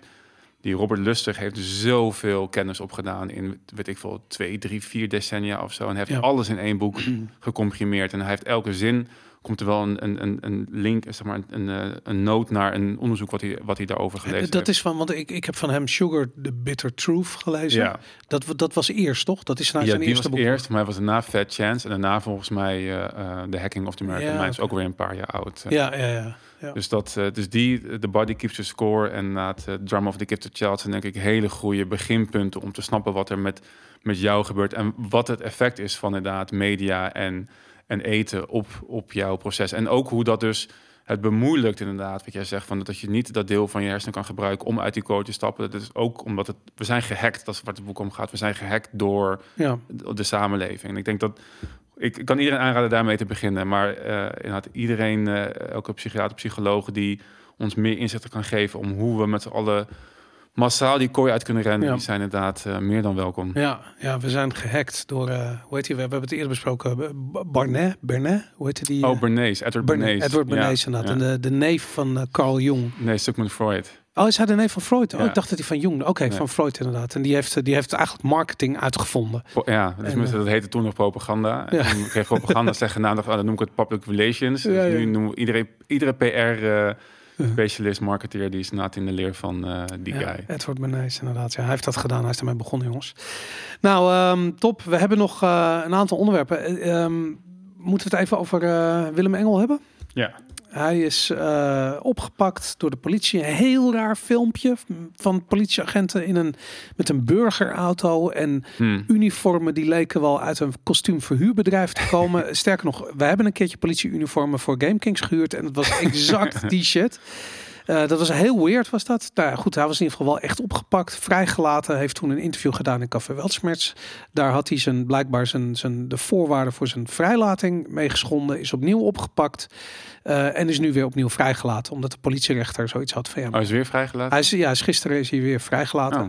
En eh, de politierechter zei ook van ja, sorry, maar die voorwaarden van je mag niet op social media, dat is een inperking van een grondrecht, namelijk vrijheid van meningsuiting. En dat is Hmm. niet helemaal redelijk om iemand, om dat van iemand te verlangen. Zeker niet iemand die actief is in de media. Kijk nou, wat een geluk. Hij had geen D66-rechter. Absoluut, ja, nee, maar eh, wat, wat ik, eh, ik weet niet of je dat interview gezien hebt bij Café Welsmerts. Deels. Oké, maar wij zaten met eh, Jeroen Pols, volgens mij eh, zijn, eh, zijn, zijn, zijn rechterhand, zijn linkerhand, ik weet het niet, maar die is de, de juridische tak van eh virus waarheid. Ja.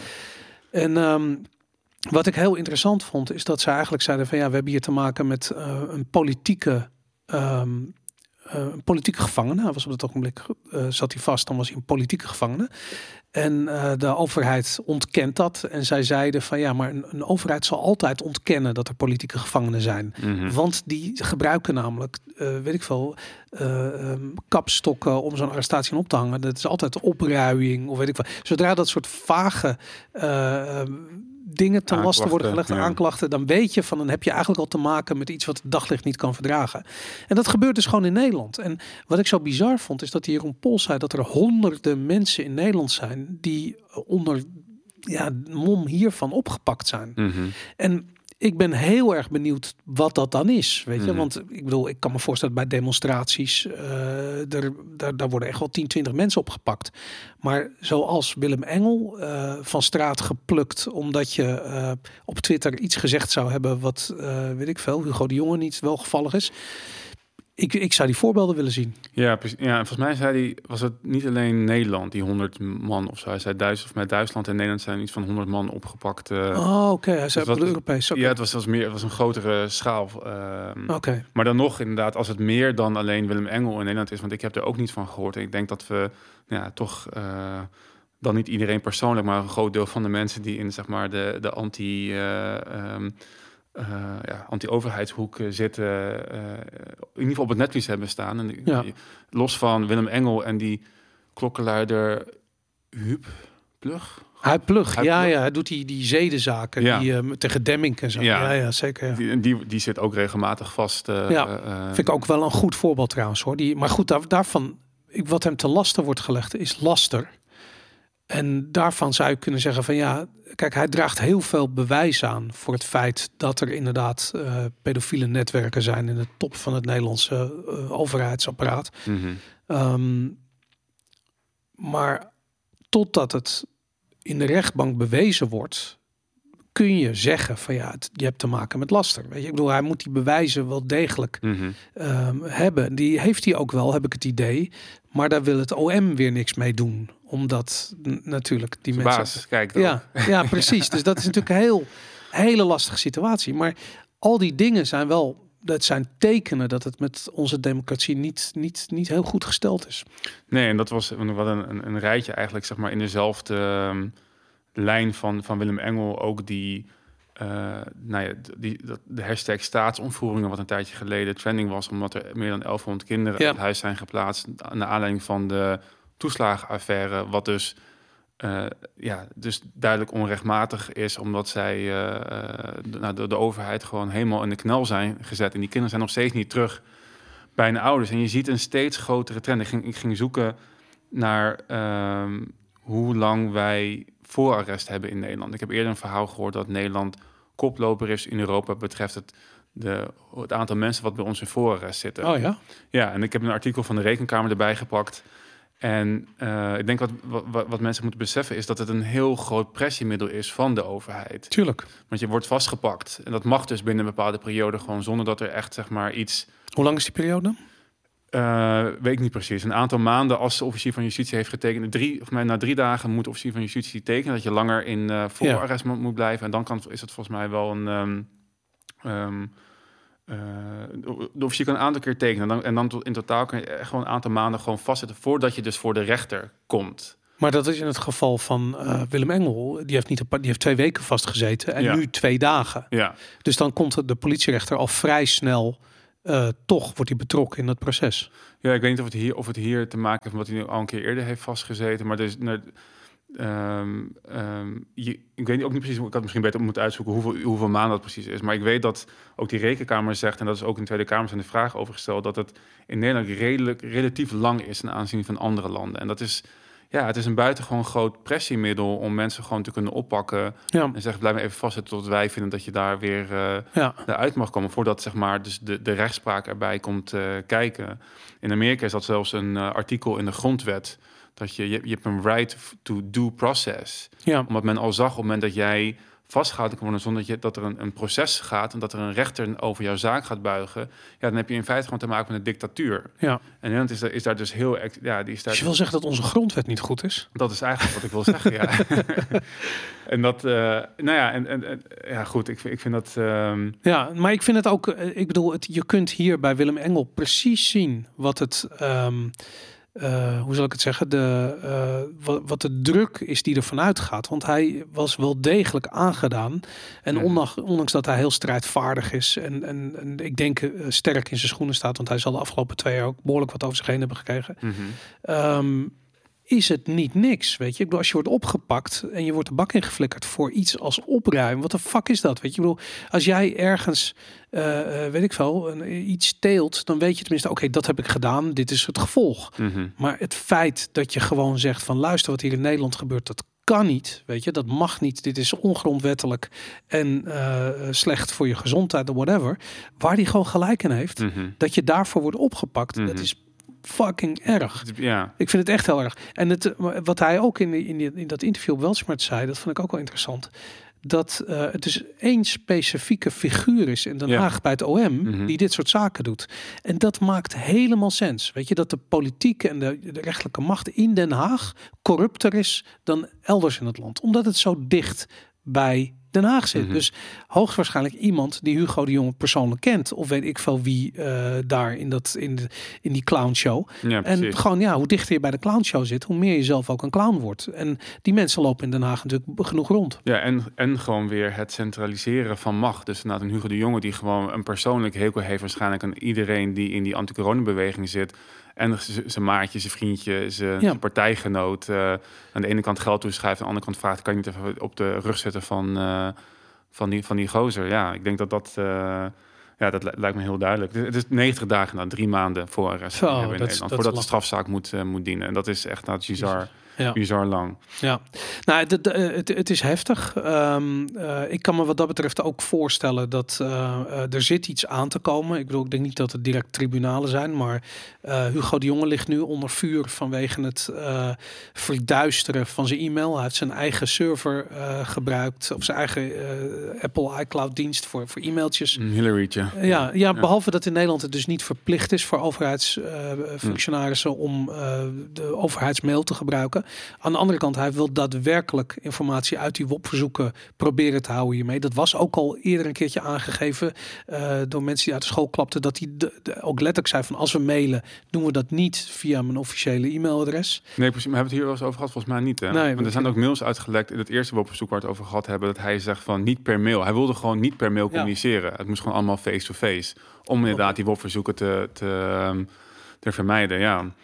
Maar goed, dat betekent, ik bedoel, het gelieg van hem ehm, eh, is nu wel doorgedrongen tot de buitenwereld. Ook dat hij nu zegt van ja, ik vond, eh, ik had niet altijd het eh, wachtwoord van mijn e-mailadres bij de hand. Denk ik, zo de mieter op, man. Niemand voert hem. Je, je stelt je e-mailaccount één keer in op je telefoon en dan is het dan- Je gaat niet iedere keer je wachtwoord invullen. Wat de fuck, weet je? Dat, dat, daar zijn password managers voor, weet ik veel. Ja. Genoeg manieren om dat to- probleem op te lossen. En van een minister verwacht je niet dat ze met. de- Ik wil, dit is echt de hond heeft mijn huiswerk opgegeten. Smoes is dit, weet je. En ik vind gewoon dat. Ik vind het bizar dat. ehm, ik heb gewoon het idee dat 10, 15 jaar geleden was zo iemand als hij was niet eens in de politiek terechtgekomen, weet je, omdat het Mhm. niveau zo laag is van wat hij doet. En uh, Nou, dat denk ik dus wel. Ik, ik vraag me dus af. Inderdaad, de hond heeft mijn huis ook opgegeven. Maar ik heb die mensen echt niet zo hoog zitten. ik, denk, ook niet. Nee, ik Ik denk dat die gast echt heel dom is. En dat hij, en dat hij misschien echt denkt van... Dom en autoritair. Ja, en dat is, Ja. dat is het grootste probleem. Dat is zo grappig. Mijn, mijn oude huisgenoot die heeft daar onderzoek naar gedaan, nu dit zegt. Ehm, die heeft onderzoek gedaan naar wat het effect is van ehm, het krijgen van autoriteit in combinatie met een bepaalde sociale status. Ja, en dus mensen die zeg maar een, een lage sociale status hebben en autoriteit krijgen, dat zijn Tuurlijk. de grootste naties. Ja, ja, tuurlijk. En, en, ja. dat, en nou goed, en, nou goed, ik moest, moest, meteen- moest meteen aan denken toen je het over Hugo had en, eh, Ja. en debiel en autoriteit. Ik denk dat dat het probleem is. En dat heb ik ook. Nou goed, ik wil niet elke boa over dezelfde kant scheren. Maar dat maar de- in, dat, in die hoek zie je ook vaak dat mensen een bepaalde lage sociale status krijgen, maar wel de macht hebben om jou vast te zetten, vast te houden, of weet ik wel wat te doen. Ja, dat gaat altijd. Dat gaat mis, fout. ja. Ik weet, ze- bij, bij, eh, bij de politieopleiding wordt er ook geselecteerd op mensen die, dat, eh, die daar neiging naar hebben. Die worden niet aangenomen. En dat, eh, want dat is gewoon, dat is nou precies wat je niet wil van dat soort functies. Weet je, BOA's is, is ja, BOA's zijn wat dat betreft letterlijk de, de handlangers van Hugo de Jonge geweest de Mhm. afgelopen twee jaar. Ja. En daar ook gewoon op aangenomen. Daar, daar is geen, heeft geen selectie plaatsgevonden. Mhm. Mensen die daar willen werken. En ik hoop niet dat er BOA's kijken. Maar ja, ik kan je vertellen, dat zijn gewoon niet. eh, het zijn geen carrière-tijgers, laat ik het zo zeggen. Dat, eh, die, die komen daar iets anders zoeken. En dat is, Ik eh, heb een keer een trainingsfilmpje gezien van hoe boa's zeg maar in, in conflicten moeten optreden. Het is echt het is bizar voor woorden. Nou, nou ja, volgens mij dan bij de politie moet je leer je in ieder geval om te de-escaleren. Nou, Ja. Dat is bij boa's geen sprake van. Nee? Maar dat was echt een soort van eh, free for all met knietjes en alles. en dat is echt, ik ga hem zoeken, ik ga hem erbij zetten. Het is echt te bizar voor woorden dat, hoe, dat, hoe dat gaat. eh. ja, nee, maar dat is inderdaad. eh, Dat, dat is, ja. Aan Dat- de andere kant kreeg ik een berichtje van een, wijk, een, een wijkagent van de week die ook de podcast kijkt en het en helemaal kon vinden in onze analyses en Het- het weggaat, doet- weggaat bij de politie. Oh ja? Ja, omdat ze dus niet met, met, ja, met zeg maar deze manier van kijken meer in dat systeem kan, eh, Ja. kan, kan functioneren. En dat er Ik- meer collega's zijn weggegaan de afgelopen jaren met Ja. hetzelfde probleem. Het, wat ik daar, eh, de, de- heel dubbel gevoel wat ik daarbij heb, is dat de agenten die overblijven ehm, niet zo denken. Mhm. Eh, waardoor je dus meer de, weet ik veel, de BOA-mentaliteit overhoudt. En de eh, mensen die juist op intellectueel vermogen, eh, die politietaak willen uitvoeren, vaak ook om anderen te helpen of weet ik het. Uh, ja, die gaan dan weg bij de politie. En dat is, mhm. want ik weet inderdaad, er zijn heel veel uh, libertariërs bij, bij de politie. En ook bijvoorbeeld, weet ik, bij Defensie ook. is mhm. exact hetzelfde aan de hand. En er mhm. zijn mensen ook die zich afvragen van ja, ik ga naar Afghanistan om daar mensen te helpen, vrijheid uh, te bevorderen, iets op te bouwen, om vervolgens thuis te komen en te zien dat het hier um, eigenlijk uit hetzelfde vaatje getapt wordt als wat, wat daar plaatsvindt. Dat is heel heftig. Ik denk dat ja, bij Defensie zie je dat ook inderdaad. Misschien nog één dingetje over die, die staatsontvoeringen. Uh, ja. Wat van de week erbij kwam de, de wet verplaatsing bevolking. Oh man, dat zijn we bijna vergeten. Ja. We, zouden het daar de hele aflevering over hebben. Het zit op een uur en negen minuten en nu pas komt het. Ja. Ik werd van de week getagd op, uh, op Twitter door iemand die had een hele mooie eh, vacature ge, geknutseld uh, voor transportleiders voor de, het uitvoeren van de wet verplaatsing bevolking. Mhm. Met treinen uh, die volgens mij vanuit de Tweede Wereldoorlog naar Auschwitz gingen. Ja. En ik, ik dook daarin en ik, uh, ik, ik, keek naar die wet en ik deelde dat op Twitter van, yo, wat is, wat is er met deze wet verplaatsing bevolking? En uh, ik had binnen een seconde had ik Arno Wellens in mijn DM zitten van, doe, dit is nep. Ik zeg, gast, dit is helemaal niet nep. En ik deel zo de, zeg maar, de link van, van de Rijksoverheid waar die wetten gepubliceerd staan. Ja. Maar er is dus een wet gemaakt in 1952 die gaat over het verplaatsen van hele delen van de bevolking, het ontruimen van gemeentes als daar een bepaald oorlogsgevaar of dreiging voor is. Uh, ja. En ik zag dat en ik dacht van, dit is, dit is exact... Dit is gekomen omdat er in 1952 een, een Rob Jette was. Die mhm. zei van, ja, dit gaan we niet gebruiken, maar dit is handig voor de toolbox. Ja. En dat is precies wat, wat, we nu ook aan het doen zijn met wetten die we nu nog niet gaan gebruiken, maar in één keer 40 jaar later, of weet ik veel, uh, eh, 70 jaar later uh, wel gebruikt worden. En je ziet als je naar die wet kijkt, uh, al die artikelen die zijn niet actief. Ja. Dus er, er, is een wet aangenomen en, die, en al die artikelen kunnen dan per koninklijk besluit worden geactiveerd. Ja. En ik denk dat heel veel mensen daar in de politiek destijds dan geen moeite mee hebben van oké, dat, dat, want we zien dat er misschien in 1952 nog wat, wat meer inderdaad intelligentere politici waren en mensen die echt voor het volk bezig waren. Mhm. Dus het, hier kunnen we geen, uh, geen uh, gevaar mee lopen. Nu zie je inderdaad in 2022, gewoon 70 jaar later, dat het wordt. Ik weet niet waar, waarvoor ze gaan gebruiken, maar het wordt nu geactiveerd. Ja, maar, maar dat waarom, dat is. Uh, ik wil alle alarmbellen moeten afgaan. Mhm. Uh, dit is uh, in het beste geval een, een relatief kleine inbreuk op weer ons zelfbeschikkingsrecht. Mm -hmm. um, en in het ergste geval zijn ze iets aan het voorbereiden wat. Um, ja, wat, we niet eens kunnen bevatten op dit ogenblik. Ik bedoel, ja, ze, daar heb ik ook moeite mee. Ja. Maar, maar, waar komt dit? Wat, wat denk jij wat ze aan het doen zijn? Nee, ik heb dus gekeken, want dus, er zijn twee artikelen zijn geactiveerd in dat, uh, in dat wet. En dit is trouwens ook meteen waarom ik een hekel heb aan, aan uh, nou goed, weer een onderdeel van ons systeem. Dat dus op basis van een koninklijk besluit dit wordt, wordt geactiveerd. Dus met andere woorden, de regering bepaalt dit. Er komt geen parlement bij kijken. Dat mag. Ondemocratisch. Je mag het, je mag het parlement raadplegen, maar in feite is het gewoon ruling by decree. Dat is ja. wat ze nu aan het doen zijn. En een van de artikelen die ze hebben geactiveerd is. Uh, deze wet is tevens van toepassing op volksverplaatsing op grote schaal, welke niet het gevolg zijn van een last tot verplaatsing. Nou, in mij, het is een redelijk vage zin, maar volgens mij heeft het te maken met dat je dus je bevoegdheid om mensen te verplaatsen vergroot. Dus los van dreiging van oorlog of geweld, dat het, dat het ook gewoon een andere reden kan hebben. Het is een beetje bevage, vage termen. Dat is wat ik lees uit dat. Maar Ik, ik heb een analyse van Arno Welles gezien waarin hij zei: ja, dit, dit gaat over boeren en CO2-uitstoot. Mm ehm, dit, dit, artikel gaat met name om situaties waarin dus het is een noodsituatie. Nou goed, dat, dat wordt ook te pas en te onpas uh, overal op geplakt. Mm -hmm. het zou gaan over Oekraïners die hier naartoe zouden moeten komen of komen. En dan zouden de kantoorpanden onteigend moeten worden, zodat ze daarin kunnen worden opgevangen. Mhm. ik heb zoiets van, ja, je onteigent mensen die niet te maken hebben met de noodsituatie. Mhm. Weet je, de noodsituatie geldt voor de Oekraïners. Mhm. Het is raar dat we hier een wet hebben die inspeelt op een noodsituatie van een ander volk of van een ander land of de inwoners van een ander gebied of whatever. Weet je, dat, wat, wat hebben Nederlanders daarmee te maken? Ja, precies. Maar ik denk dus dat de wet inderdaad bedoeld was voor, want de eerste tekst in die wet verplaatsing volging is, uh, al zo wij in overweging genomen hebben dat het wenselijk is voor het geval van oorlog, oorlogsgevaar, daaraan verwant of daarmee verband houdende buitengewone omstandigheden. En dat is inderdaad, ik bedoel het als die oorlog in Nederland plaats zou vinden of Ja. een dreiging is. Maar ik heb het idee dat ze het nu inderdaad wel gaan ophangen aan een oorlog die buiten Nederland plaatsvindt. Eh, om inderdaad ehm, eh, Oekraïners te helpen die naar Nederland komen. Ik denk dat dat inderdaad wel een, een hele plausibele Ja. link is. Dat is ook trouwens wat ze zelf gezegd hebben in de, in de ehm, in het beslu- besluit van de ministerraad, zeg maar, met het Maar ik begrijp letterlijk niet waarom moet dit. Weet je, ik bedoel, als je een leegstaand kantoorgebouw wilt gebruiken voor de opvang van Oekraïners, dan ga je naar de eigenaar van Ja, dat kantoor ja. en dan zeg je van luister, wat kost het?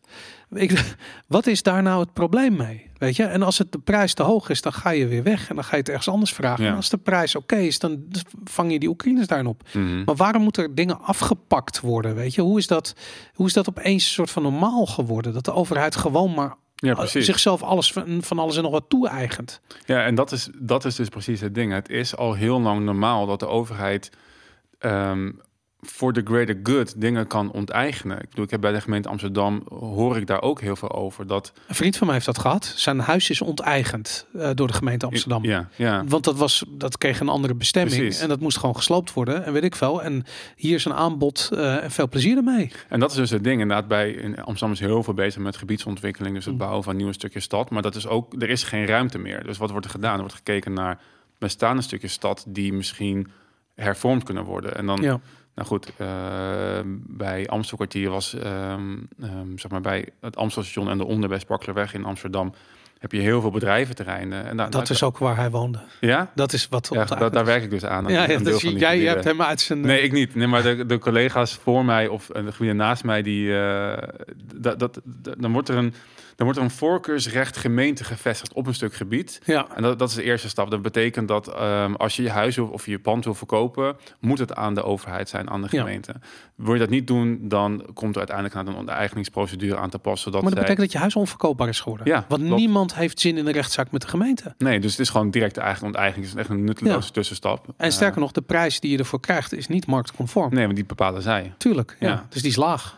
Precies, dus dat is en dus en maar dit is dus al heel normaal. En ik weet nog, ik weet echt niet meer of ik nou hier een keer verteld heb, in ieder geval tegen jou, is dat ik een collega hoorde die ehm, over een lezing die we kregen over eh, Japan. Ja, En we hebben het eerder gehad over dat de eigendomsrechten in Japan zijn redelijk sterk eh, beschermd nog. ja. Dus onteigening is in Japan echt gewoon not done. Dat, dat kan gewoon niet.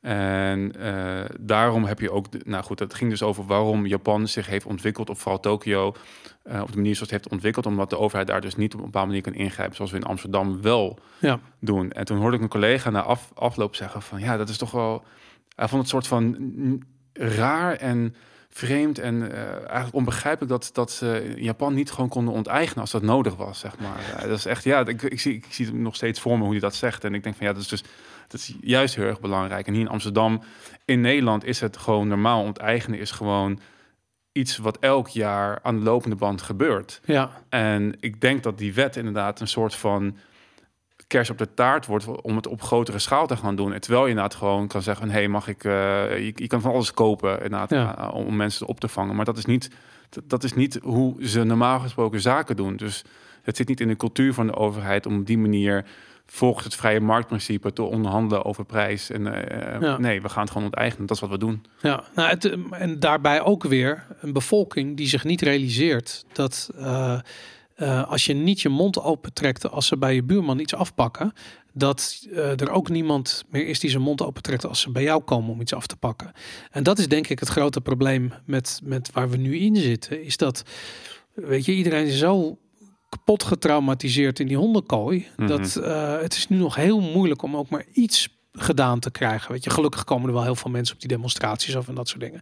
Maar dit is weer een, dit is weer heel nieuw, weet je. Overheid die volledig buiten zijn, eh, buiten zijn boekje gaat en dit Mhm. soort, dit soort on, ja, ongrondwettelijke eh, beleidsbeslissingen gaat maken. Ja, voordat we met z'n allen boos genoeg zijn om een keertje de straat op te gaan, zijn we echt, dan zijn we jaren verder. Mhm. En dat, ik wil als 1100 kinderen niet genoeg zijn voor mensen om massaal Mhm. de straat op te gaan. Ja, En het is helaas niet ongrondwettelijk. Dat is het grote probleem natuurlijk. nou ja, de, de moreel. zegt, maar more- onge- het is- ja, precies. ja, dat is het probleem inderdaad. Goed, dus de wet verplaatsing uh, van de bevolking. Nou, uh, bereid je vast voor om verplaatst te worden. Volksverhuizing, ja. ja, alles wat je denkt dat je in eigendom hebt, is niet daadwerkelijk van jou. Uh, denk daarover na. Um, en ik ben ook benieuwd in de comments of mensen zouden willen reageren op dat idee van het proces vanuit die hondenkooi stappen. Mm.